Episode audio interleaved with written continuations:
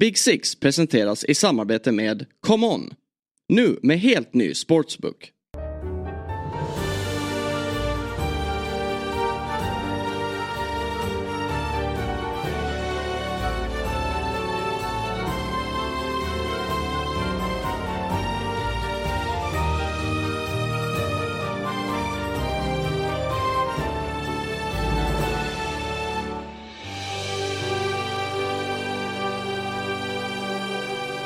Hjärtligt välkomna till Big Six. Det är jämnt avsnittsnummer. Det innebär att det är mitt i veckan programmet med lite mer supporterperspektiv. Alltså avsnitt 106. Eh, som vanligt med mig Viktor Enberg och Carl Luthin. Och det är bara du och jag här i studion inledningsvis. Vi ska mm. få besök av både Oliver och Sabri och dessutom eh, lite längre fram då när vi pratar upp helgen som kommer. Det är ju ett stundande North London Derby och vi ska prata med Per Frykebrant och höra hans tankar från ett Tottenham perspektiv. Men ja, vi ska ju såklart eh, lägga fokus på Champions League-spelet som har varit och eh, det blir väl en del tyvärr Man United Bayern München. Mm. Eh, det är ju inte jättekul att sitta här dagen efter den matchen men det finns ju i alla fall väldigt mycket att prata om kring den inte så egentligen att jag trodde att United skulle vinna på förhand. Men vi ska i alla fall börja där vi slutade förra veckan och vi tog ju ut ett, eh, eller vi förutspådde ju ett veckans lag eftersom att vi inte hade något att ta ut eftersom att det hade varit landslagsuppehåll. Och jag kan ju bara dra den elvan vi tog ut och Kalle. Det var Sanchez, Porro, Gomes, Maguire, Chilwell, Bissouma, Enzo Fernandes, Ödegaard, Doku, Haaland och Son. Mm. En backlinje som inte många blir rädda för. Nej, just, just den här veckan. och det blev inte så mycket speltid i den backlinjen heller. Inte det heller. Eh, på gott och ont kanske. Nu förlorade ju United ändå. Så, så jag, jag vet inte. Kanske det hade blivit bättre med Maguire. Ja. Um, Ole har i alla fall varit i en intervju i veckan där han har ändå, inte kanske hyllat honom men han gick ju verkligen Backat honom verkligen. Ja men och sa att han kom in och satte verkligen en prägel på allting runt omkring klubben. Sen kanske han inte presterade på planen. Vi ska också komma in på det. Det var ju faktiskt Ole Gunnar Solskjaers första ja men vad ska man säga, längre sittning intervju han gjorde mm. nu på två år sedan han fick lämna med Andy Mitten på The Athletic. Men åter till elvan då. Tre spelare som vi tog ut hittar vi faktiskt in i ja. vår eh, elva som vi tar ut från helgen och vi, tar, vi drar det lite snabbt idag eftersom att det känns så avlägset redan och det spelas så mycket fotboll och det finns så mycket annat att prata om. Vill du presentera den. Ja, eh, gladeligen så presenterar jag ju Chelseas målvakt Sanchez i mål som får eh, fortsätta eh, behålla sin plats eh, efter 0-0 mot Bournemouth. Det kanske inte är så coolt i sig. Men han står, står faktiskt för ett par riktigt bra insatser och gör faktiskt att vi inte släpper in ett mål där. Så att, eh, ja, han är väl värd sin plats.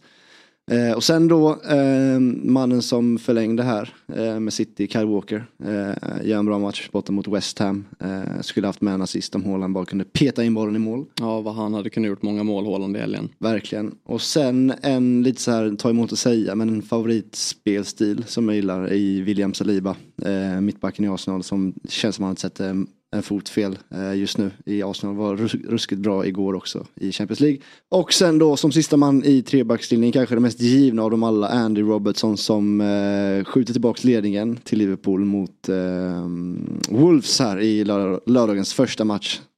Så där har vi en trebackslinje då. Eh, ska jag gå vidare? Mm.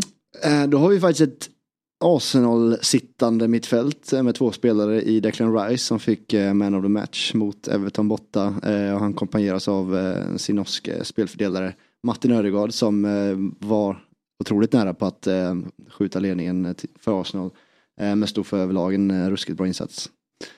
Sen har vi väl vår första svensk i omgångens elva va? Måste det vara? Ja. Vigge har inte varit med. Nej, nej. Lang har inte varit med fast spelat i Big Six. Så att, eh, Dejan Kulusevski hittar in. Han eh, också en match avgörare här då. Eh, sent om sides för Tottenham mot Sheffield United. Han ska såklart in.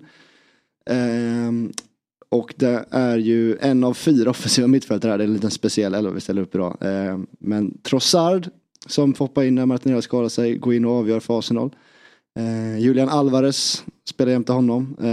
Eh, fortsätter ju att bara briljera match efter match. Är väl Citys just nu hetaste spelare.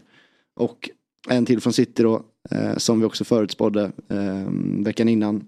Jeremy Doku som eh, gör mål eh, direkt här. Mm. Viktigt att få det första målet. Ja. Mm. Gör väl det som kanske Grealish aldrig gör när han kommer där på kanten dansandes. Utan han verkligen, han skjuter på mål och då, det lönar sig. Ja. Lite hårt mot Grealish men absolut.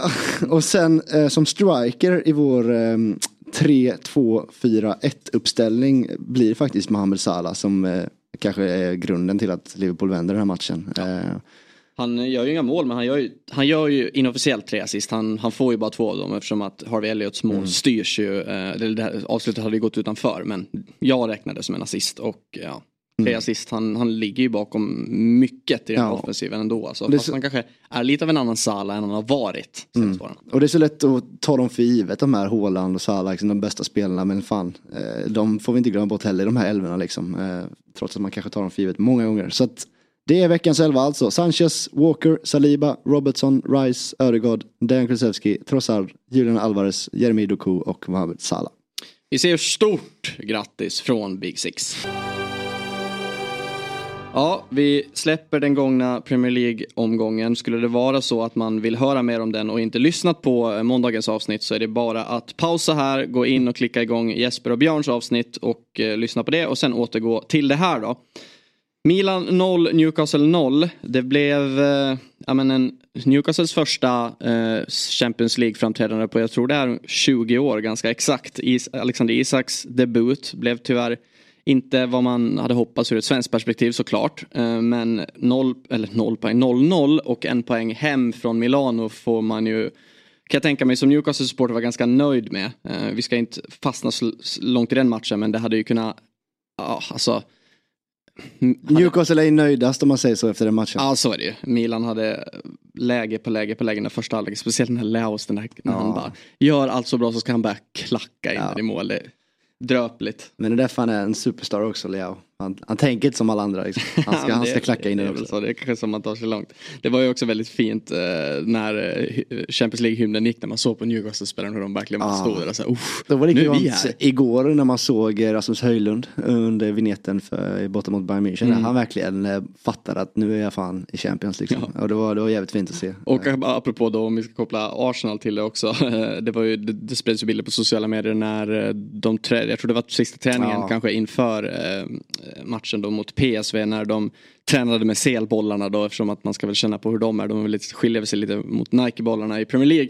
När Declan Rice kommer in på träningsplanen, tar upp en boll och så här står och tittar. Man springer verkligen fram till Trossard och bara ge hit den. Ja, liksom. bara kolla på den. Ja. Det är verkligen som att se så här, pojkar sexlag, lek med boll. Du vet de första träningarna man gör innan man blir ens ett fotbollslag. Att bollen är roligare än, än allt annat. Eller från så här när man gick från när man spelade pojklagsfotboll när man hade spelat med fyra ja. och äntligen får byta upp till fem. ja, man börjar spela elva man Vad tung den är, känner du? Liksom. Hur ska man få den här lyfta? Ja. Det var fint mm. att se faktiskt att de är eh, så liksom pojkaktiga ibland liksom, när, det, när det gäller sådana här stora matcher. Liksom. Och Arsenal då som enkelt städade av PSV en perfekt start på, på eh, den här Champions League-säsongen och alltså det är, ju en, det är ju en lätt grupp de har får vi ändå säga. De kommer ju antagligen ta sig vidare. Men bara få med resultaten direkt, kunna lufta truppen lite ändå. För det var ändå stark elva han ställde mm. ut. Nu är ju Martinelli borta.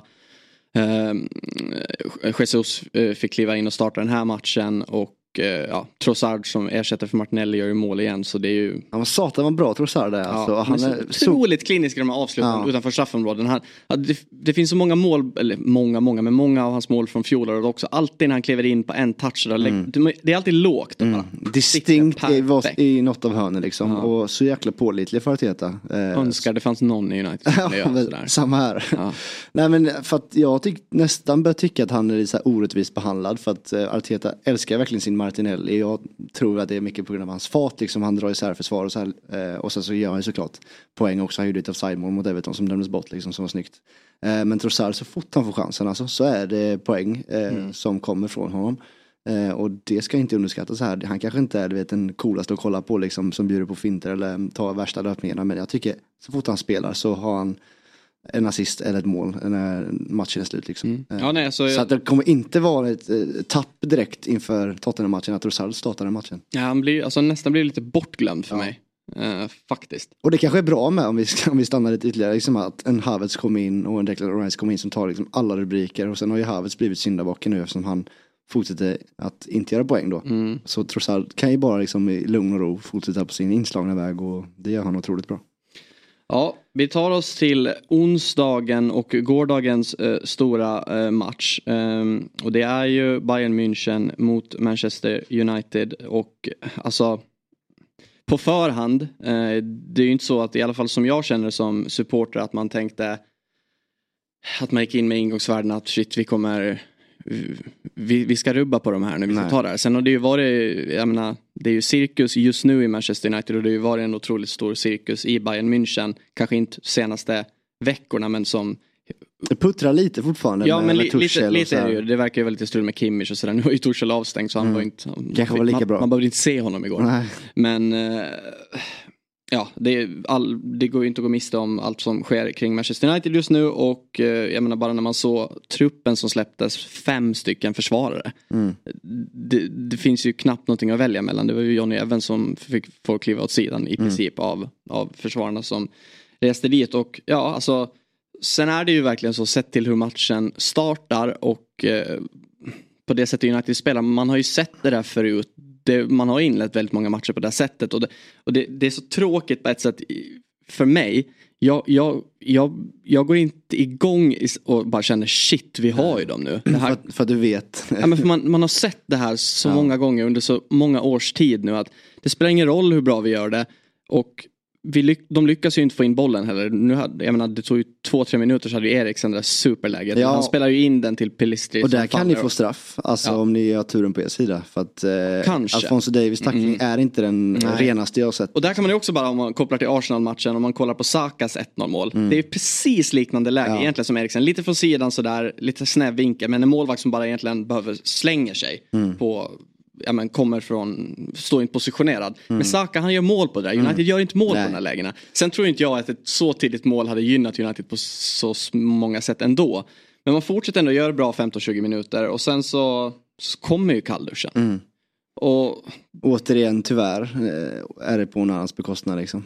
Ja, och det, det är så här.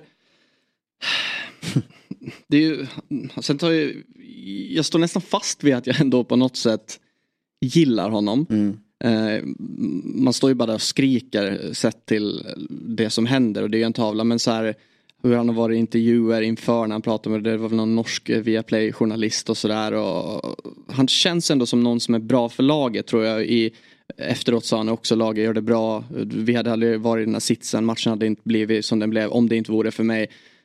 Alltså så här, det är ju inte egentligen det är inte så mycket begärt att man ska glädjas att en, en spelare är så uppärlig och tar på sig det i en intervju efter. Det är ju såklart så det ska vara. Men det finns ändå någonting i det där som jag, jag vet inte, jag, jag gillar ändå det. Men mm. ja, de Gea hade ju tagit dem där.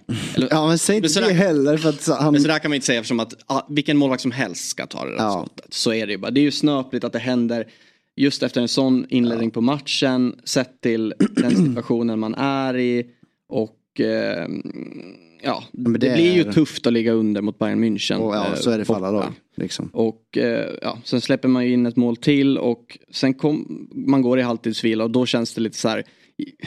Jag drar, drar parallellen till som Sverige när man föll nu mot Österrike. Att det ser bra ut, man tar inte riktigt vara på sina chanser Exakt. och sen när det väl faller ihop det så liksom känns det som att det finns inte riktigt den karaktären och ledarskapen på planen som bara kan, fan det här kan vi vända mm. på. Det känns inte som att man nästan tror på det. Nej. Sen så kommer man ju tillbaks efter halvtidsvilan och så gör Höjlund det där målet. Mm. Och så, då är det så okej okay, fan det är ju match av det här. Mm. Och så, men just då för att gå tillbaks till det här med att det på något sätt alltid skiter sig. Det spelar ingen roll vilka spelare som spelar. Det spelar ingen roll vilken tränare som tränar klubben. Nej. Dyker det upp en sån här dum handsituation. Ja. Men det händer. Och så står det 3-1 ja. igen. Alltså så är det ja, två mål. Det kommer ju i det värsta tänkbara läget också. Ni har precis fått upp hoppen. Höjlen har gjort sitt första liksom, mål för klubben och i Champions League. Och liksom, där finns ju en gnista att gå vidare på. Men så, så är det så, alltså, ett, ett läge som verkligen förklarar vilken sits ni är i som, som fotbollsklubb. Liksom att det, ni får nästan kämpa dubbelt så hårt nu för att få med er det ni brukade få kanske vid en lika bra insats. Eh, för att de får en straff som man inte kan säga så mycket åt. Liksom hans arm är ute och bollen hade gått in i straffområdet annars. Liksom. Så alltså, det är ju det är rätt beslut men det straffar er så jäkla mycket hårdare än, äh, ja. Så att, eh, och sen så är Kane otroligt klinisk och bara ja. bombar in den helt otagbart liksom. Och där, efter det så går ju luften ur ett tag. innan ni igen då gör ett försök mm. och lyckas. Eh, Casemiro, jag vet inte hur han får in den men han får in den och då, då finns det ju chans igen. Men vad händer då? Äh, då byter de in Mattis Tell istället som eh, gör ett otroligt snyggt mål och så är liksom matchen borta igen typ. Liksom. Så att, överlag, jag, jag, när jag satt och kollade på United, alltså, jag tycker ni stod bra. Alltså, ja men det, det, är ju faktiskt så. Ja ni gör en bra match. Det är bara att ni har, att bara... allt går emot just nu liksom. Ja och det är ju det är så tröttsamt med det här att säga att man gör bra insatser men man står ju ändå på noll poäng. Och man får inget resultat med sig. Och, eh, och så här, jag, hade, jag hade kunnat köpt en förlust ändå men det hade bara varit, alltså jag hade bara velat se vad de hade gjort av matchbilden. Sen tycker jag, sen är det ju ändå Alltså man, visst man ligger under med två mål innan det 3-2 kommer. Mm. Men att det är ju bara Bayern München. Mm. Det är ju mm. bara de som kör, kör, kör. Mm. Man vill ju ändå se det lag som ligger under på något sätt försöka ta tag i taktpinnen och på något sätt kunna styra matchen. Men det, där är det ju för uddlöst. Det händer ju ingenting. Tyvärr. Och eh, ja, alltså. Det är ju verkligen, sen för någon som bara går in och kollar resultatet, det slutar 4-3. Det är ju kanske den mest o, alltså sett till att resultatet skrevs 4-3 så är det den match, kanske den 4-3 match jag har sett mm. med minst nerv på något sätt. Ja. För de kontrollerade ju ändå matchen. Ja exakt. Det var, det var lite, 4-3 målet kom ju på slutsignal. Ja, ni har ju en frispark där när det står 3-2 ja. eh, innan de gör 4-2 eh, som Bruno Fernandes slår in. Och där tänkte jag verkligen att nu kan de få in det sånt Då satte jag mig upp. Ja. Jag låg faktiskt då, inte ner i soffan och kollade men ja. då, då satte jag mig upp. För då fanns det någonting som man trodde, här, soffläge. Ja, här, kan det, här kan ni få in det. Och då jävlar kommer Bayern typ skita på sig tänkte mm. jag för att de har varit klara i 85 minuter som det var typ då liksom. De har verkligen räknat hem den här vinsten och sen kommer ni från ingenstans. Om ni då hade fått in den bollen. Men sen går det ju fort och det blir 4-2 istället. Ja för jag tror verkligen att i, det läget att då, där är nog inte Bayern känner sig ändå. Det gör man ju aldrig i en uddamålsledning i slutminuterna. Men om man bara går tillbaka, jag kollade i fredags eh, Bayern, Bayerns match mot eh, Bayer Leverkusen och då tappade de ju faktiskt sin ledning i slutminuterna. Mm. Eh, och den matchen slutade i 2-2 så säkert etsade sig i ja. på något sätt, shit är vi här igen. Verkligen. Nej men alltså det var verkligen så att, och det är ändå så fint med mm. supporterskapet hur det, alltså man bara får en strimma hopp ja. och man bara flyger upp och tänker shit nu ja. har vi det. Ja, det vi kommer kvittera. Ja. Liksom, det kommer vända på allt. Ja. Sett till helgen och sett till framåt. Det, Sen tror jag kanske att man jag såg ganska stora delar av eh, FC, eller mm, Galatasaray FCK och det är ju klart att United ska sluta två i den här gruppen och det är mm. väl ett ganska bra resultat att de hämtade upp det där Galatasaray och gör 1-2, eh, 2-2 sent. Att de båda står på ett poäng. För de lagen ska ju ställas av. Sen vet jag, jag har ju sett hur det har varit genom åren i grupper när man har haft lag som Basel och sådär. Man har ja. inte lyckats lösa det. Det är de tuffaste matcherna ibland. Alltså ja, de som man räknar in på förhand och ändå åker till tuff, mm. tuff En liten kuriosa bara. Eh, Rasmus Höjlund har ju i FCK, han mm. har ju alltså eh, två yngre bröder som är tvillingar, tvillingbrorsor. Emil och Oskar, de spelar ju båda i FCK. De spelade igår? Ja. Nej, de spelade inte igår. Eller, eh, jag tror det var Oskar. Så han blev, han blev inbytt Aha. i typ 90 Hur gamla är de? Jag tror de är födda 05. Så de är två år yngre då. Ja, mm. Ändå otroligt tycker jag. Ja, jävla familj. ja, verkligen. Jävla Danmark. Men alltså jag ska bara tillägga det att jag tror Ten Hag nu när han har sovit en natt på det här liksom. Jag tror han ändå är ganska nöjd sett till hur mycket det har stormat utanför plan med Anthony Sancho och sen det här senaste bråket som sägs vara mellan typ, Lisandro Martinez och, och Vigge. Som, och Vigge tycker jag en, han, det är inte hans fel på något av målen. Typ, kanske sista mot Mattis Tell men det är så här, det sista som händer. Nej men alltså så här, så, så jag... sådana bråk är också så löjligt. Ja det, man vet inte riktigt. Det är, så, eh, jag menar, det är ju, man tävlar ju, det är klart det, man ska... Ja och tidningen fistar ju lite på United-nyheter nu, de gillar att spä så på. Så att, hittar de en liten gnista så gör de det till en eld liksom. Så att jag tror inte heller det är så farligt som det kanske låter. Jag tror sånt bara är bra för gruppen. Ja alltså. men jag, jag, tror ändå den här insatsen eh, stärker liksom eh, Ten Hags tro på att ja, men det här, det är inte så farligt som, som det verkar kanske utifrån liksom. Jag tror att han verkligen tror på sin spelartrupp och att eh, säsongen, om det nu liksom kommer vända, man kan säga så liksom. Efter dåliga resultat senast liksom. Dagens avsnitt görs i samarbete med Telia som gör det möjligt att samla alla dina favoritsporter på ett och samma ställe.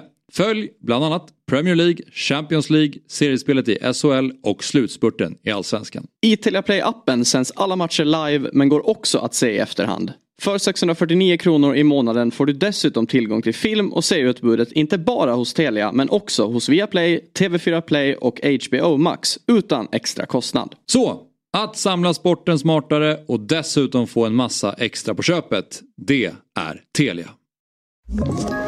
Ett poddtips från Podplay.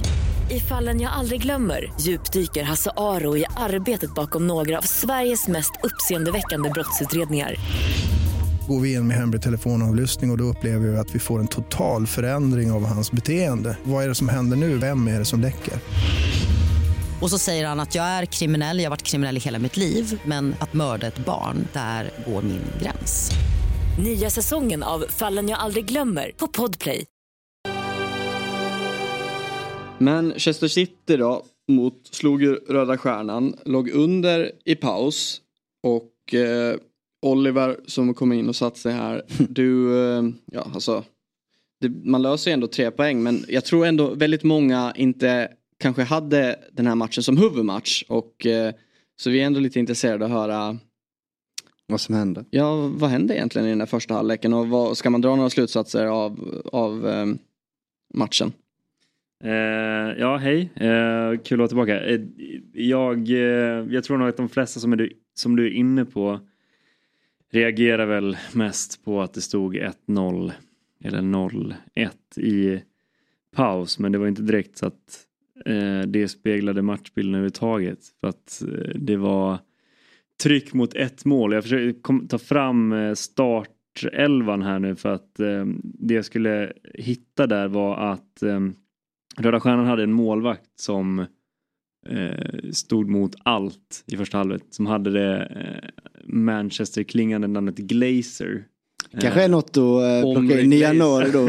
efter tänk, om United hade varvat en spelare som heter Glazer. Med tanke på hur svajig Onana är just nu så kanske man ska kolla just ja. på Glazer. För han hade alltså sjukt eh, bra första halvlek. Geni, han... Eh, genidrag av United plocka in honom bara för att liksom, eh, göra lite mer ja. vänskapligt mellan ägare och fans. Liksom. Ja, eh, nej men eh, sen stod han ju för en liten eh, tabbe där i andra halvlek så att det, det kanske var, eh, var, var tillbaka på sin vanliga nivå, jag vet inte. Men nej, Röda Stjärnan har väl en chans egentligen. Någon slags boll som ring, rinner igenom och på den chansen att göra mål. Vinkades ju av för offside först men det såg man ju på reprisen att det inte var. Så att eh, nej, City gick in med eh, 0-1 i baken i, i, i paus. Men jag, jag, tror inte att det var, alltså inte ens jag som har suttit här tidigare och varit ganska negativ kring och pessimistisk kring vissa, eh, ja men, eh, kring City var speciellt eh, orolig. Uh, och hade det varit så att City hade typ tappat poäng i den här matchen ändå så känns det som att den här gruppen är så pass enkel att mm. de hade kunnat vaska den här matchen. Mm. Uh, men det skulle ju liksom inte hålla uh, för Röda Stjärnan att hålla ut utan det, det var ganska City gjorde nästan vad de ville i första halvlek. Det var egentligen målvakten emot. Mm. Typ en autopilotseger. Vad sa du? En autopilotseger. Ja men lite så.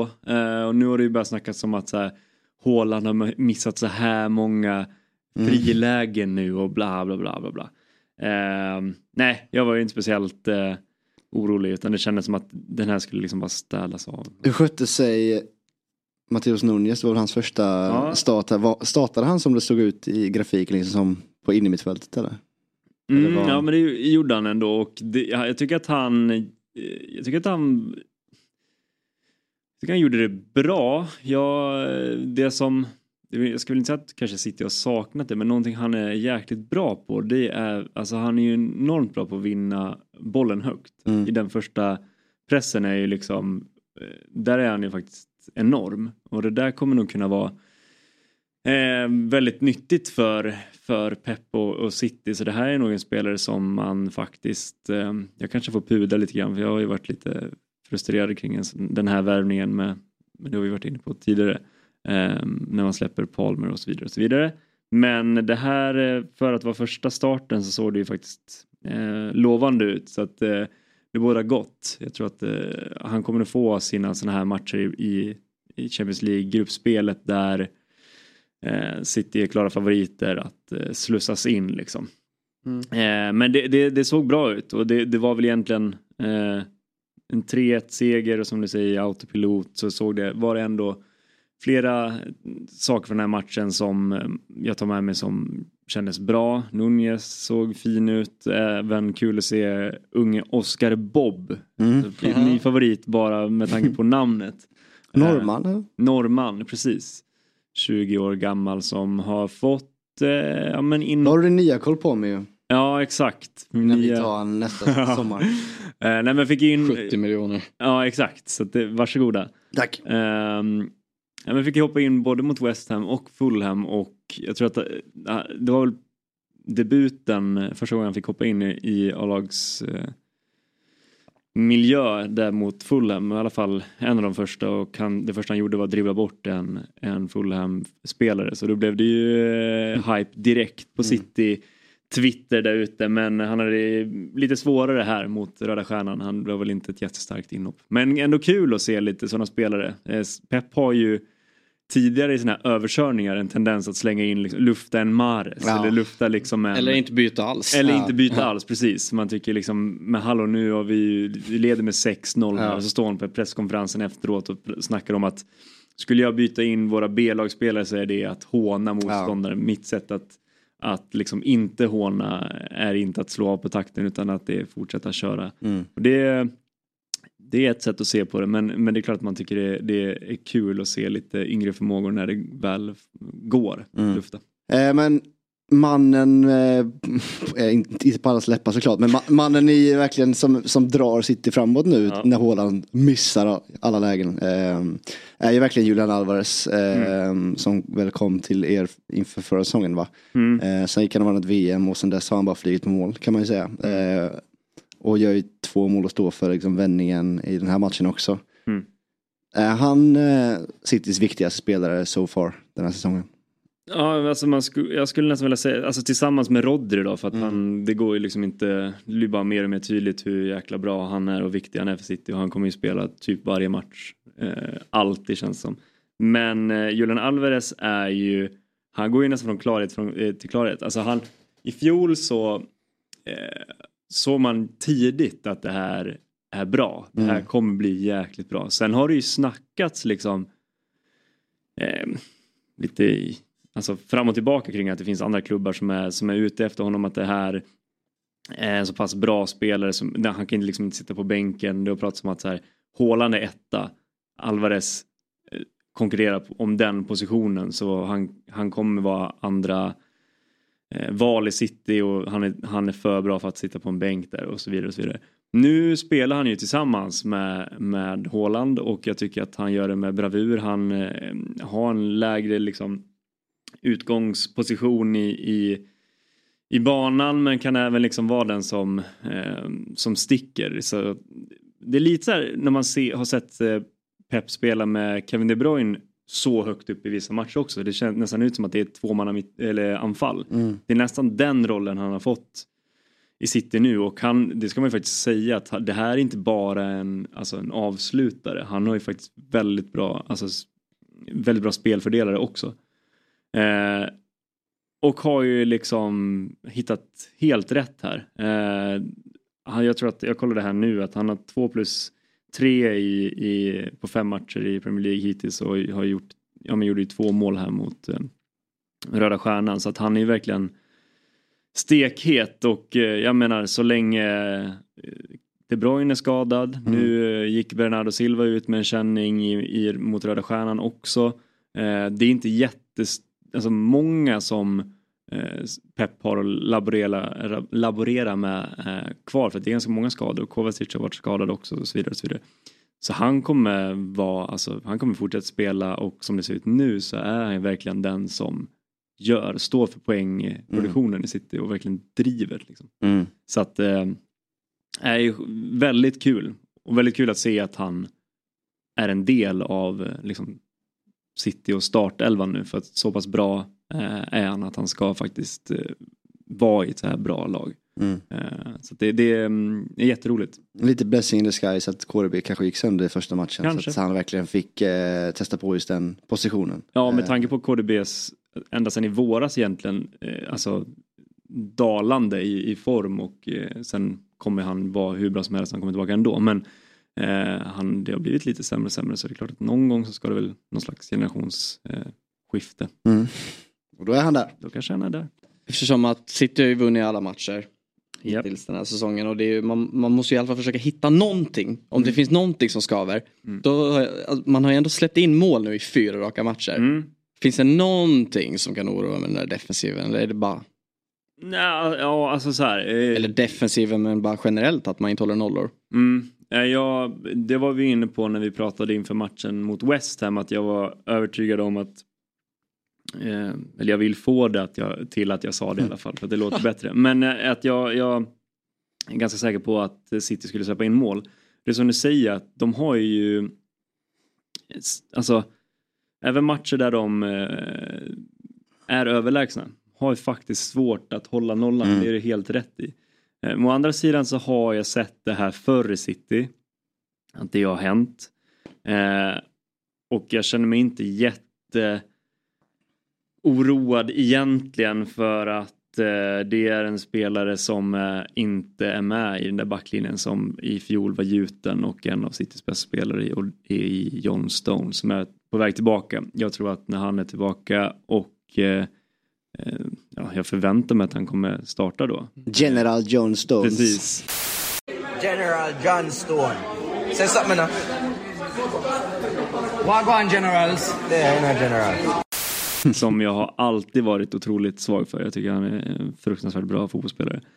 Så tror jag att det där kommer se bättre ut. Med det sagt så tycker jag inte att det har sett dåligt ut men eh, men det är klart att det är lite virrigt för att alltså, City har inte en fyrbackslinje eller vad man nu ska kalla den där försvarslinjen eh, som är liksom gjuten. Det roteras ju mm. alltså, friskare där än vad det gör offensivt nu för tiden mm. känns det som. Ena veckan är det Guardiol och sen är det Ake och sen är det Akanji. Liksom. Det är väl bara, av. Precis, det är väl bara Ruben Diaz som egentligen har varit eh, gjuten. typ gjuten varje match. Eh, men det där kommer nog sätta sig. Det, det, jag är inte jätteorolig eh, över det eh, faktiskt. Mm. Kommer du ihåg det när eh, John Stones fortfarande var kvar i Everton och eh, Chelsea, han var ju nära att gå till Chelsea en sommar och eh, Everton-fansen körde sen när de möttes Money can't buy you Stones. Mm.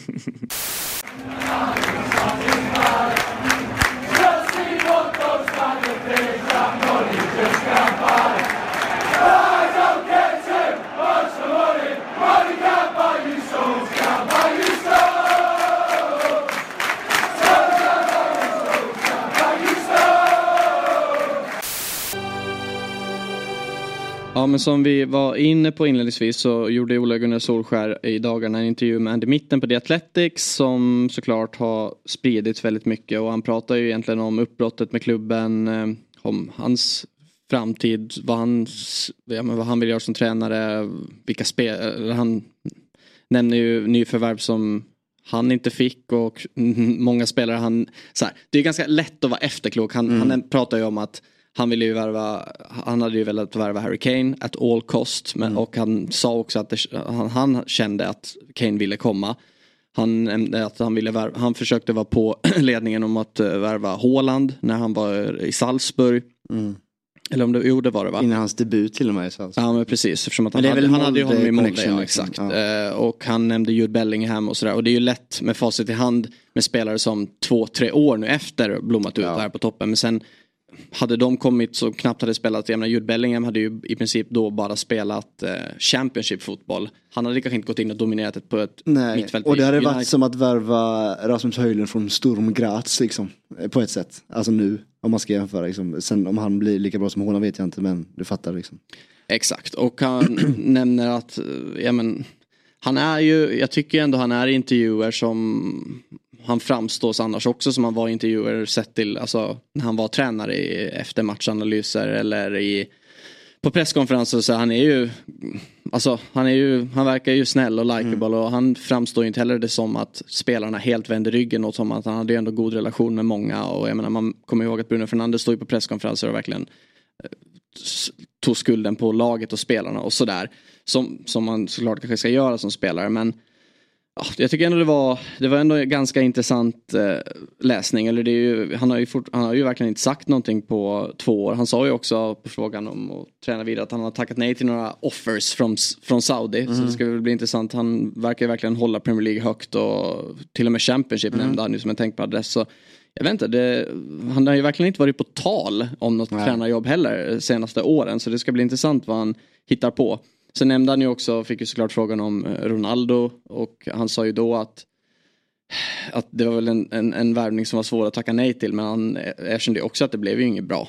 Trots att han kom in och hade en impact inledningsvis. Sen, och sen på frågan, han fick ju frågan om är, är det bara så att United-jobbet är omöjligt mm. mm. Och då, så här, då svarar han, jag tycker ändå han hade kunnat vara lite mer bjussig. Han, han är ju mer inne på det, ah, men det är svårt att ta över efter den bästa tränaren någonsin. Och Eh, ja, men de andra lagen idag är så mycket bättre än om man jämför, om man går tillbaka till tiden då fanns det bara kanske några rivaler och det är på ett helt annat sätt nu. Jag tycker han på något sätt hade kunnat kritisera klubben lite mer. Det hade ändå varit uppfriskande för det är klart det finns saker att säga mm. mer än vad han är, han är ju verkligen så här, om man säger ja, jag fick inte de värvningar jag ville ha men jag hade ändå en bra relation med Ed Woodward, mm. ungefär lite så. Ja, det är klart han säger det. Men... Ja men ja, jo, alltså det, det är ju också bara såklart för att han är ju han har ju, en, han har ju ändå en legendstatus i klubben ja. och han, eh, ja det finns ju så mycket mer än bara att han har varit tränare där några år. En Fangal kan ju såklart gå ut i en intervju och säga vad han vill. Ja men lite så på ja. det sättet. Men jag vet inte, det hade ändå varit uppfriskande. Jag tänkte ändå att shit det kommer komma ut någonting mer. Mm. det är alltid så när en sån här intervju eh, släpps så finns det ju, skickas det ut quotes överallt på alla plattformar och så. Men sen när man väl går in och läser den ja. så är det ju alltid lite annorlunda. Men ja, bra läsning ändå och eh, det är ju klart ja, intressant. Också slutligen bara när han, när han fick frågan när han fick sparken efter den här Watford-matchen. Ja. Att då, hade, då, hade, så, då hade han ju faktiskt sagt till spelarna i paus, jag kommer inte ihåg hur många bollar de la under med, med att ja, det här kan vara vår sista halvlek ihop. Mm. Och sen så hade han dagen efter då och då släppt eh, sin familj på flygplatsen och skulle flyga till Norge och då hade han väl sagt till dem ja, det kan vara att jag kanske är tillbaks tidigare ner. Ja. För då hade Ed Woodward messat honom att, ja. eh, att han ville träffa honom och, och så blev ju fallet också. Och att han sa att det kändes ju ändå och så ja. sa han att han åkte hem sitt tomma hus själv liksom i Manchester ja. och bara fattade, ja då var det, då var det över liksom. Undrar hur det känns det där, det måste kännas otroligt konstigt ändå. Ja, eh, men... varit liksom i ropet och på alla läppar fast på ett negativt sätt hur länge som helst och sen så tar det slut. Och så bara går du hem, stänger dörren och då är ingen intresserad av det längre. Alltså det går liksom på fem minuter. Så att nej, det, det är märkligt. Men där kommer vi aldrig hamna, Viktor tror jag. Dags att blicka framåt till helgens omgång av Premier League och det gör vi såklart med vår nya partner ComeOn som precis lanserat en ny sportsbook med riktigt grymma odds. Sabri, du satte ett av två spel uh, förra veckan. Vad, vad föll vi på? Ja, men vi föll på Newcastle Brentford, att Newcastle skulle vinna och båda lagen gjorde mål. Jag, jag lockades av oddset men jag borde förstått att Newcastle var mer desperat eh, efter tre poäng än att bjuda upp till en rolig match. Så det, Liten, eh, liten miss men eh, vi är tillbaks yeah, till helgen med en riktig eh, trippel. En trippel den här gången. Låt höra. Ja, match nummer ett är Crystal Palace Fulham. Där har jag spelat över 2,5 mål. Jag tycker oddset till 2,03 är det är för bra för att inte testa. Eh, båda lagen har spelat över 2,5 mål i sina senaste tre av fyra matcher. Så jag ser en match där det är 0-0, skittråkigt. Eller så slutar den 2-2. Så 82,03 lockar där. Därför är första spelet på trippen Crystal Palace Fulham över 2,5 mål. Det andra spelet på lappen, och nu ska man spetsa öronen här. För här har jag gått eh, djupt ner i, eh, i lådan och letat. Nej men det är Luton hemma mot Wolverhampton. Och då tänker folk, vad har han hittat i den matchen? Luton att vinna hörnmatchen. Oh. 2,21 gånger pengarna. Och det är så här, de har spelat en hemmamatch hittills i år, det var mot West Ham. Då skapade de nio hörnor. De trycker på hemma. Wolverhampton däremot, riktigt usla eh, i statistiken på hörnor. De har fått 4, 2, 3, 0 och 5 i sina senaste fem matcher. Så de skapar inte mycket hörnor Wolverhampton. Och ser man Wolverhampton göra 1-0 och backa hem, men då är det ju Luton som trycker på. Så 2-21 att Luton vinner hörnmatchen tycker jag är ett fint odds. Eh, och den tredje matchen, då har vi gått till derbyt i London, Arsenal Spurs. Där man kan blicka mot målspelet om man vill, liksom över 2,5. Eh, för det tror jag, jag tror att det kan bli mycket mål i den matchen. Men jag har hittat hörnorna där också. Över 10 hörnor i matchen, 1,87. Arsenal är det laget som har skapat mest hörnor hittills i, eh, i serien. Och Spurs är topp 5 eh, i den statistiken. Så jag, jag, tror på mycket hörnor i den matchen. Så eh, det är min trippel. Mm. Ja, jag gillar verkligen eh, hörnspelen här och kanske framförallt eh, matchen mellan Arsenal och Tottenham. Eh, eftersom Tottenham inte räds eh, någons motstånd hittills under säsongen. Har de inte gjort det utan de, de vill ha boll lika mycket som Arsenal. Eh, och det kommer vara en fight om boll eh, hela matchen här och när de väl har bollen och båda lagen så tror jag de kommer gå på full offensiv vilket kommer resultera i eh, många hörnor till slut. Så över 10 tror jag lätt de fixar. Kom ihåg att du måste vara 18 år eller för att få spela. Upplever du eller någon i din närhet problem med spelande så finns stödlinjen.se till hands. Big Six är sponsrad av EA Sports FC 24 och vet du vad som händer den 29 september Sabri? Det vet jag faktiskt Viktor. EA Sport FC 24 släpps och startar ett nytt kapitel i det de kallar The World's Game. Precis så. Det närmar sig med stormsteg nu och när du startar upp det pinfärska spelet, vad, vad blir det första du gör? Ja, men det blir ju att eh, samla gänget för en klassisk uppgörelse, en turnering, kora vem som är bäst.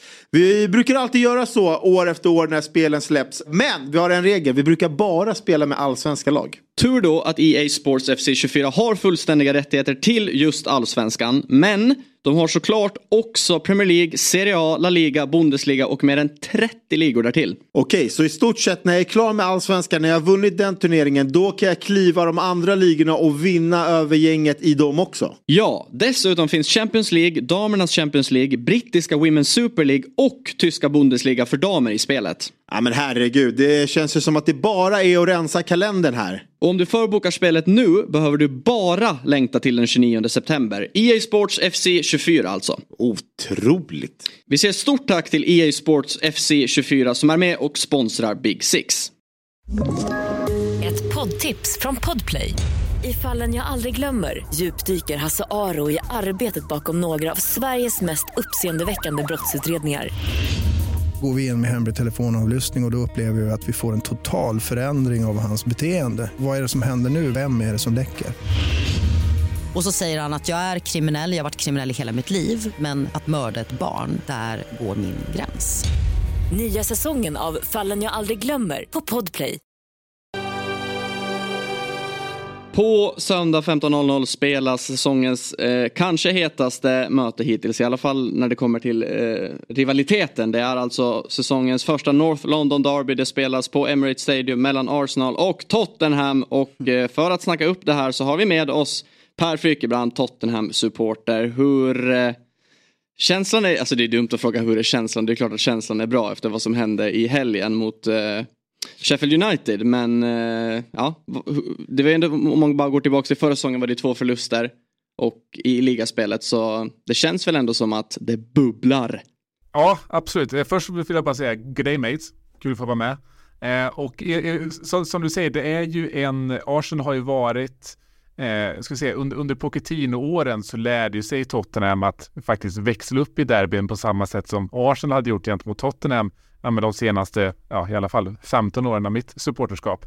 Nu har vi ju de senaste åren eh, retirerat egentligen. Som du säger, det senaste mötet på, eh, på Emirates var väl 3-0 i halvtid.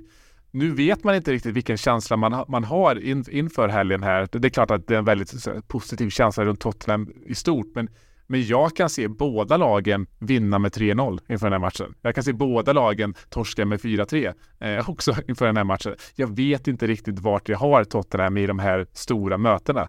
Eh, jag tror också att så här, eh, det här blir ju det stora testet för Tottenham och Arsenal i helgen tillsammans med Liverpool om två veckor. Det blir ju lite det som definierar vart Tottenhams säsong kommer att sluta, eller i alla fall vad vi ska förvänta oss, hoppas eh, från Tottenham eh, den här säsongen. Också lite passade nu att eh, Arsenal mönstrar ett, ett väldigt starkt lag i, i, i Champions League här. Eh, förmodligen Martinelli borta. Jag vet inte om det är några andra nyheter där. Eh, men jag tror att så som Arsenal spelar nu med med en Rice som lite man kanske hoppats från Arsenal-håll ska gå in i, i, i, i Bissomar-rollen och vara kanske lite bättre än vad han har varit på att fördela bollarna uppåt i, banan. Var den där liksom lite um, precis spelfördelaren precis framför backlinjen. Han har ju snarare kanske gått ner lite grann.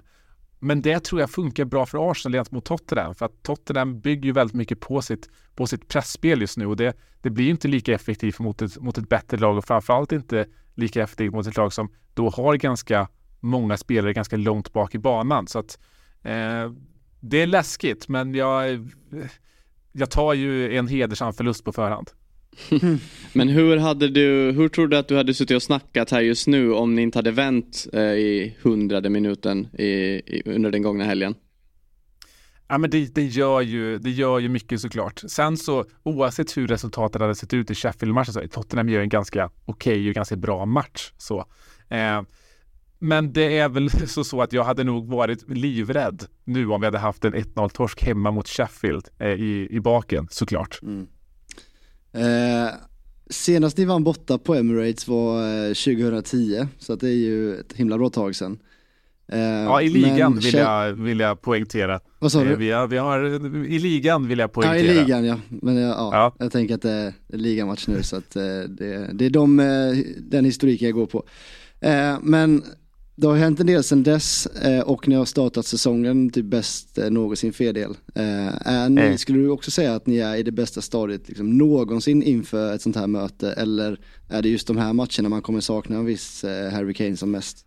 Ja, alltså det, det, det, det är precis det du är inne på. Alltså, det, det Arsenal borta, eller Arsenal generellt sett, det är då han kommer saknas mest. Han, han är ju den stora Arsenal-dödaren eh, i Tottenham. Vem kommer gå upp och vara det på samma sätt? Eh, det är klart att eh, så, så som vi spelar nu, egentligen mot storlag så kanske han saknas lite mindre. För förhoppningsvis, eller förhoppningsvis kan jag inte säga, men förmodligen är det så att Arsenal kommer ha mycket mer boll än vad vi såg till exempel United ha på Tottenham. Att det blir mer den, den, den typen av avställningslägen, vilket ju såklart passar en sån bättre än en Harry Kane, vilket ka kanske passar också om Brennan Johnson, tror och hoppas jag, får, får sin chans från start här.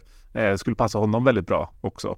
Ehm, men det är, jag, skulle inte, jag skulle inte säga att det är den bästa känslan någonsin eh, för, ett, eh, för ett derby. För att det är ju fortfarande, det här laget är ju fortfarande väldigt rått. Det är väldigt, väldigt nytt. Vi ser fortfarande ganska mycket, jag ska inte säga nybörjarmisstag, men man märker hur systemet inte riktigt sitter och, och, och, och Postecoglou har varit ute väldigt mycket kan jag säga säga men det är väldigt många ytor vi inte, vi inte utnyttjar. Um, sen så har ju laget vi mött, vi har haft ett ganska enkelt schema, det är inte, ganska, det är inte så många som har, eh, vad ska jag säga, Eh, kapitaliserat på vår, vår höga linje. Så. Och, och som jag var inne på det med pressspelet, det är klart att Arsenal är ju det mest skickliga laget att spela sig ur pressen som vi, som vi har mött eh, den här säsongen. Så att vi får ju se hur väl det, eh, det fungerar i, i den här matchen. Så att, eh, jag skulle inte säga att det är den bästa känslan man går in i derby med. Däremot har ju Tottenham det var väldigt, jag kan inte komma på Tottenham som en community bas mådde så här bra och hade sån här framtidstro som man har nu. Mm.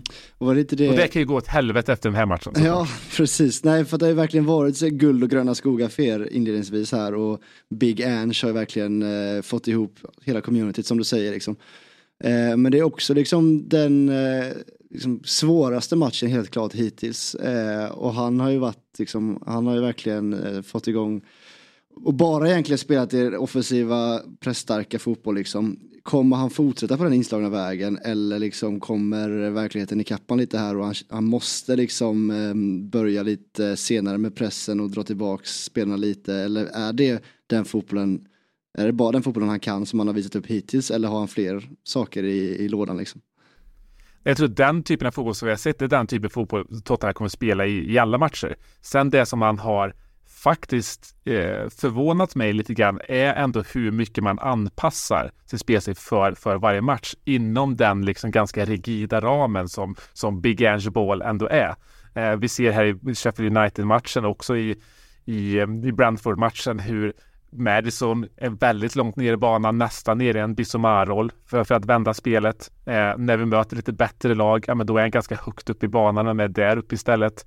Eh, vi ser hur vissa, vissa matcher kör väldigt inverterade eh, ytterbackar.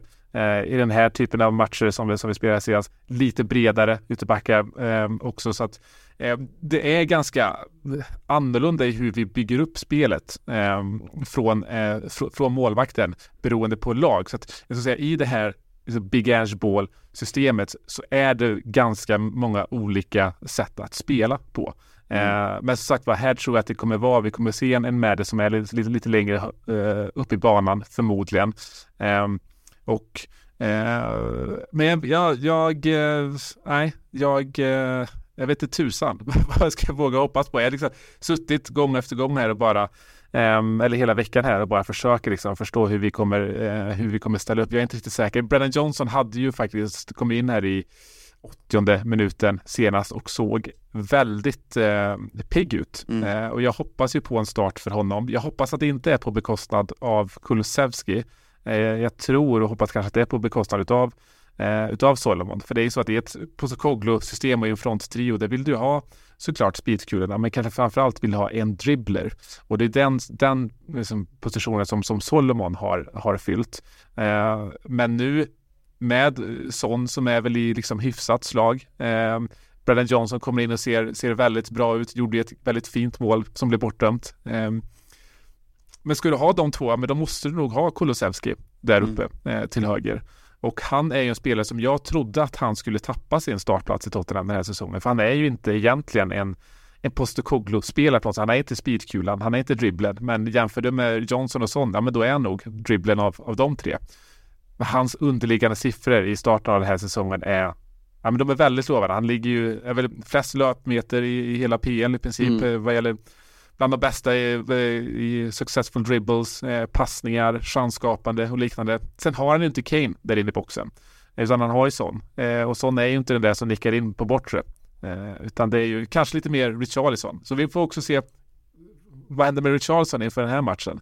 Eh, han är liksom ja, vi vet ju hur han gjorde senaste matchen här. Succéinhoppet gjorde också mål där i, för, för Brasilien eh, tidigare under veckan. Eh, men jag hoppas ändå på en fronttrio med, med Johnson, Son, eh, Kulusevski. Det har varit väldigt spännande att se.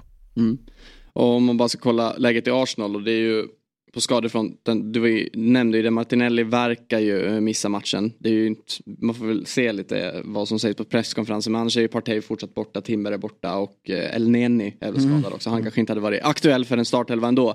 Och i Tottenham läger det är ju, alltså Tottenham känns som en av få klubbar som inte åkt på stora skadesmällar. För om man kollar toppklubbarna, jag menar Chelsea, United, City, Liverpool till viss del. Alltså, eh, alltså skadelistorna växer United och växer. Ja, verkligen. Mm. Jag glömde säga United. Mm. Men eh, ja, och det är väl, det är ju Perisic då. Men han kanske inte hade Precis. startat matchen ändå. Nej, nej startade han eh, nog inte gjort och han drog ju eh, korsbandet här och kommer borta fram till ja, i princip säsongen ut. April är väl det som har sagts, kanske, kanske mars. Eh, men han, han, han är ju såklart inte startspelare, men han, fick ju stanna nu i Tottenham av, av en anledning och den anledningen såg vi i matchen mot Sheffield United här att vi har ju av de här spelarna vi har, det är ju ingen inläggsspelare. Kulusevski kanske, men Richarlison är inte det, Johnson är inte det, Son är inte det, Solomon kanske lite, men, men Perisic har ju kommit in i, jag tror han har kommit in i varje ligamatch här och har ju um, men han har både den här dribblegenskapen på något sätt, men framförallt den här inläggsegenskapen och det är ju han i mångt och mycket som hjälper till att vända den här matchen mot, mot Sheffield. Så att vi, vi tappar ju det vapnet, det här liksom plan B lite grann med, med, med, med Perisic. Den som det påverkar mest nog i övrigt är ju Richarlison egentligen. För han är ju den här som vi ska slänga in eh, till exempel när, när, när ett Sheffield ligger lågt. Eh, men har vi ingen som kan ge honom de bollarna? För han har ju faktiskt inte fått så mycket bollar. Det är därför det har sett lite sådär ut när han har startat. Men sett bättre ut när han har kommit in. För han har kommit in tillsammans med Perisic som ger honom de bollarna. Eh, så att, för, för Richarlison och för vår förmåga att kunna kanske komma med en plan B mot de här som ligger lite lite lägre försvarsblocks. Eh, där är det inte bra att eh, Perisic är skadad. Förhoppningsvis så kan väl kanske en Dejan ta lite mer av den funktionen framåt. Mm. Nämnde ju Harry Kane bara, uh, han är ju den som har gjort flest mål i det här derbyt uh, historiskt och uh, jag vet inte om det är, om han är två eller tre Adebayor men tänk om inte Kane hade tagit det där rekordet och, mm. och det hade varit Adebayor som har representerat båda klubbarna. Fatta vad det hade, alltså jag tycker nästan det hade smutskastat det här derbyt. För spelare ska ju inte få representera båda klubbar ens. Nej, nej, exakt. Jag tror väl också eh, det finns ju några som har gjort mål åt båda. Jag tror Gallas har gjort mål för, för båda lagen också eh, i, i, i North London Derby, eller i alla fall för, för Tottenham. Eh, men nej, men nu, nu Harry Kane är glömd va? Nu, nu är Ad, Adebayor är ju eh, liksom legendaren vi minns nu från alla North London Derbys. Det honom vi, vi, vi bär med oss ja, och Son, eh, Son ändå eh, på fem stycken mål mot Arsenal, det är ändå inte så eh, illa. Eh, så att han får väl fortsätta bygga på sitt register här då. Absolut, absolut. Men och det, det jag tror jag tror att man kan se fram emot mest är just alltså, för den stora tronarvingen är ju det är Madison. Det, alltså, det här är ju Madisons lag just nu. Visserligen Son är kapten, men det, alltså, det är Madison som har ärvt Tottenham från, från Harry Kane och det är han som behöver steppa fram eh, och visa sig i, i, en sån här stor match. Eh, och som sagt var, han kommer också vara högre upp i banan i, i den här matchen än vad han har varit i kanske mot, mot Brentford och ett, och ett Sheffield United. Så han, han, kommer få de chanserna. Det är där jag vill se honom steppa upp och eh, ta några poäng, avgöra, då är det såklart fantastiskt. Men jag, jag, jag, här vill man ju se att han, att han presterar i, i ett sånt här stort eh, derby för att visa att det här är rätt tronarvinge. Mm. Slutligen då Per, det är egentligen alltid en ganska tråkig fråga men vi vill ändå ha ett, en prediction, ge oss ett eh, resultat. Ja, men som jag sa innan, jag kan se oss torska med 3-0, jag kan se oss vinna med 4-3. Eh, jag, jag, tar ju en hedersam förlust på förhand så jag säger 3-2 Arsenal. Mm. Oh, okay. Jag har en sista fråga också bara. Eh? Eh, eh, om Big Ange. Alltså åk, åker han till Emirates och går för tre poäng här? Jag tror inte att han har något annat i sig. Om jag ska vara helt ärlig. Nej. Hela hans filosofi bygger ju på, på underhållning egentligen. Eh, så att jag, men, men det ska ju faktiskt bli intressant att se för att säga, vi har ju inte haft någon match än så länge där Tottenham inte ska gå för tre poäng. Eh, det blir ju väldigt spännande att se hur, hur, hur tänker han mot ett, ett Arsenal borta, mot ett City borta. Um, och jag menar, eh, kollar du tillbaka på Celtic, ja, men det, han har inte haft någon match där heller där han inte ska gå för tre poäng. Så det finns ju väldigt lågt liksom, datautbud av att utgå från hur, hur, hur han resonerar i den här typen av matcher. Uh, men jag, jag, jag, jag kan inte se att han liksom skulle han ligga lågt med försvaret och liksom Eh, det, det, har jag väldigt svårt att se. Jag skulle kunna se att han, att han kanske startar med en Höjbjer istället för en Sar. Kanske, för att vara mm. lite mer, liksom täcka upp lite mer där bak. Det är, väl, det är väl så långt jag ser att han kan sträcka sig. Um, mm.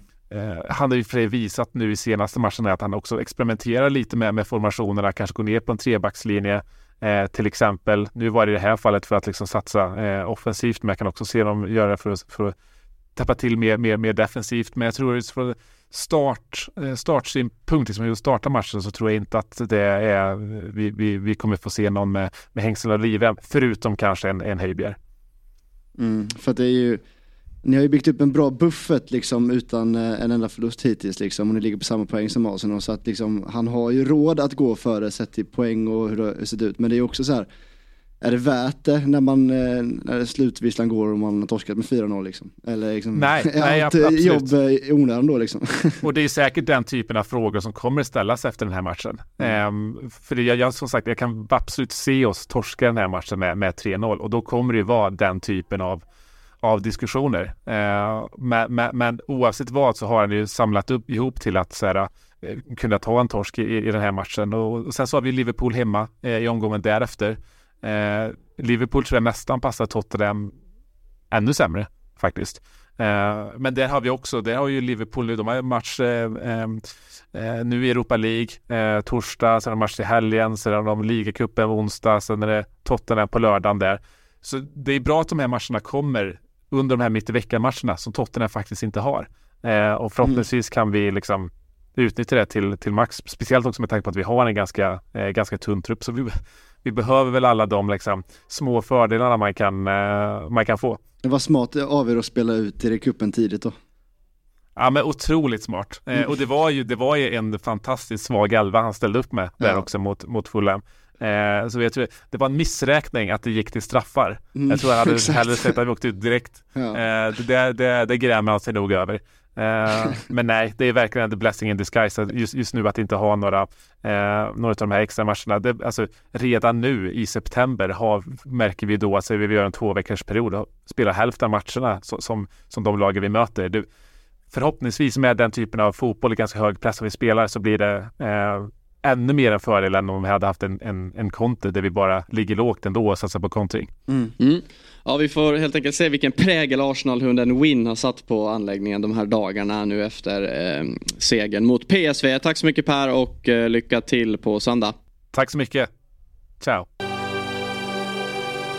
Ja, men det ska ju faktiskt spelas eh, fotboll eh, utöver North London Derbyt också och eh, först ut den här helgen är ju 16.00 Man City som tar sig an Nottingham eh, på Etihad. Mycket matcher på Etihad känns det som nu.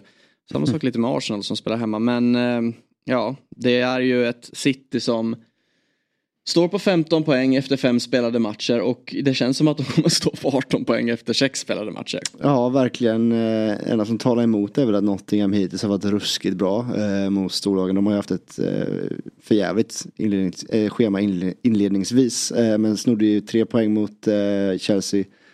Var nära på att sno poäng från United mm. också och sen så senast kryssade de när Callum Hudson-Odoi fick presentera sig för Nottingham-fansen. Så att det är klart City ska vinna och vinna komfortabelt här. Men är han utlånad eller är han såld? Han är såld för kaffepengar.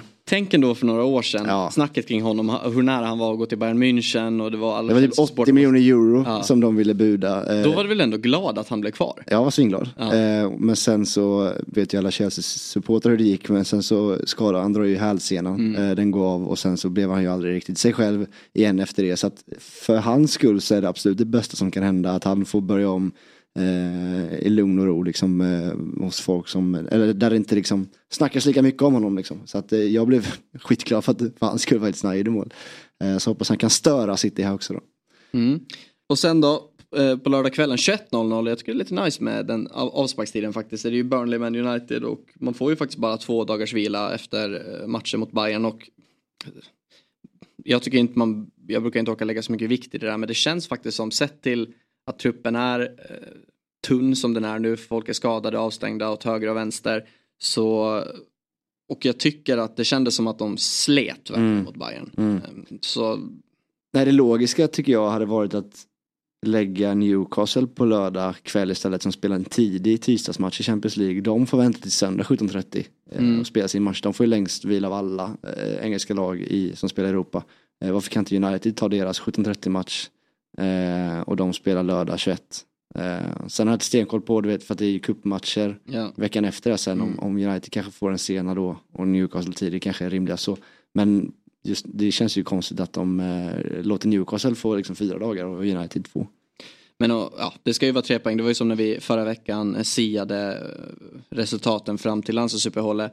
Jag, jag, jag, jag är ändå rätt på min tippning. Jag, ja, det jag är redan borta. Ja, du är borta. ja, men jag tippade ju ett nederlag mot Brighton och jag tippar, tippade att United ska slå Burnley för det ska man bara göra. Nu fick de väl med sig en sin första poäng eh, när man kryssade mot Nottingham förra helgen men ja, de, de har ju inte levt upp till den hypen man hade sett till hur de bara krossade Championship i fjol och det är klart Heter man Manchester United ska man egentligen kunna slå vilket lag som helst. Så är det en nykomling ska man absolut göra det.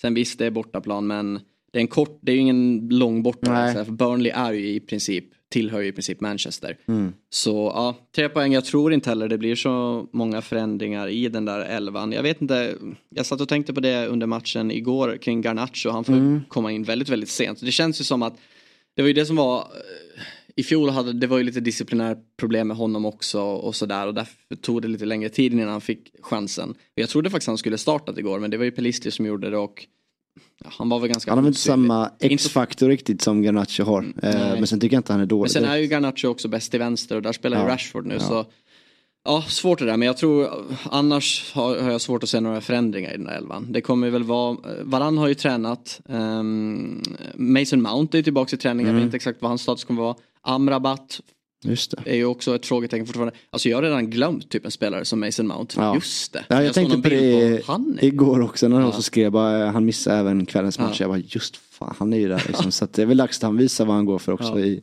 i röda färger. Och Amrabat är man ändå sugen på att se. Det är ju som det spelar ingen roll egentligen alltid som supporter när ett nyförvärv, man, man går ju ändå igång lite mm. på det på något sätt. Jag, jag tycker det när Region fick sin första start så här, men spännande att se ja, Han var, tyckte jag var bra igår också delvis. Alltså, så här, I defensiven finns det kanske lite önska men jag gillar, man gillar ändå hans frenesi och energi. Alltså, mm. Det var ju fart på honom och mm. gick in i duellen och så här, man går igång lite på det.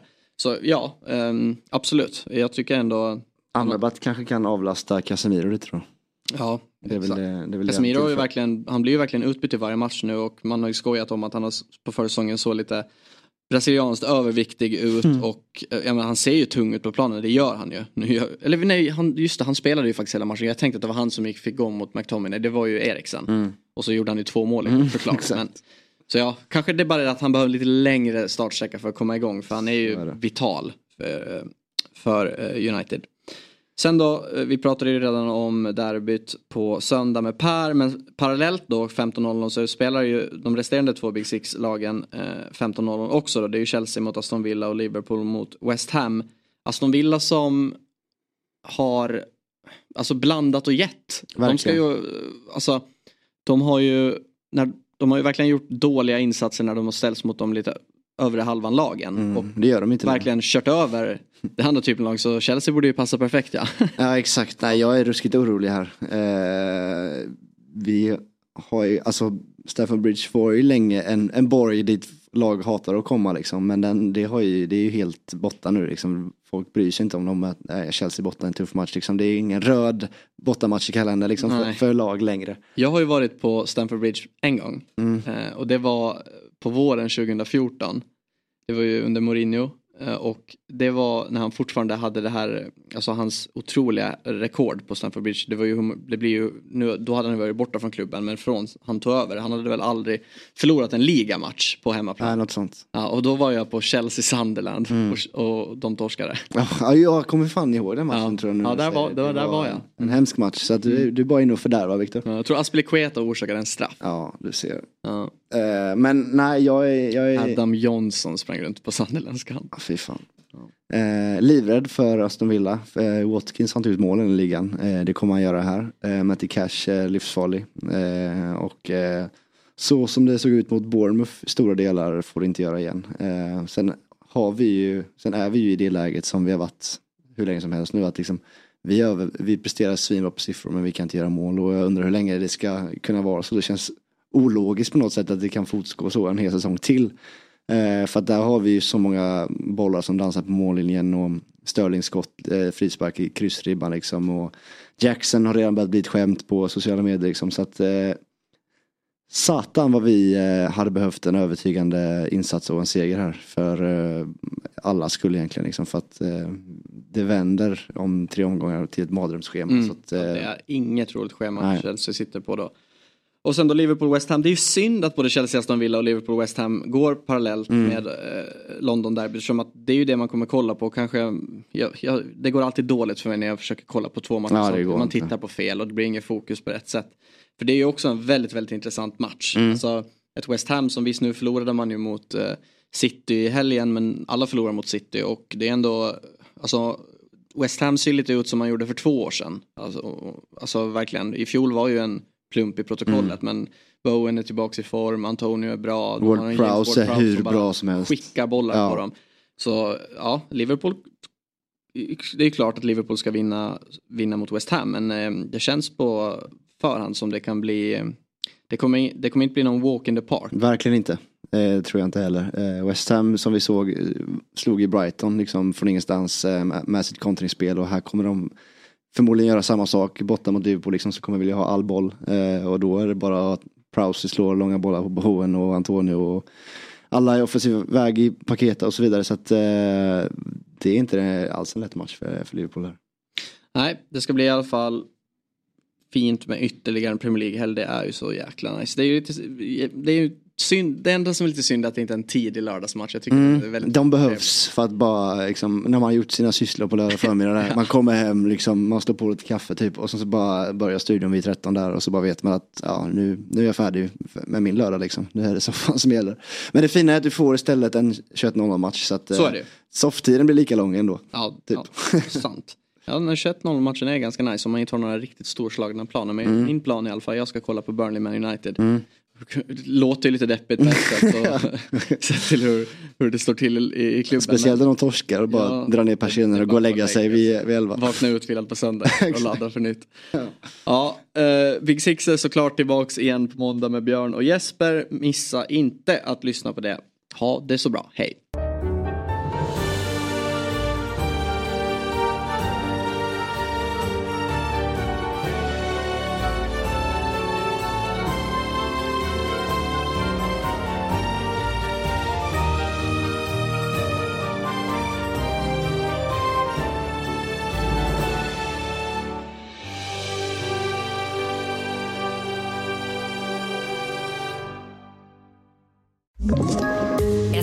Poddtips från Podplay. I fallen jag aldrig glömmer djupdyker Hasse Aro i arbetet bakom några av Sveriges mest uppseendeväckande brottsutredningar. Går vi in med hemlig telefonavlyssning och, och då upplever vi att vi får en total förändring av hans beteende. Vad är det som händer nu? Vem är det som läcker? Och så säger han att jag är kriminell, jag har varit kriminell i hela mitt liv men att mörda ett barn, där går min gräns. Nya säsongen av Fallen jag aldrig glömmer på Podplay.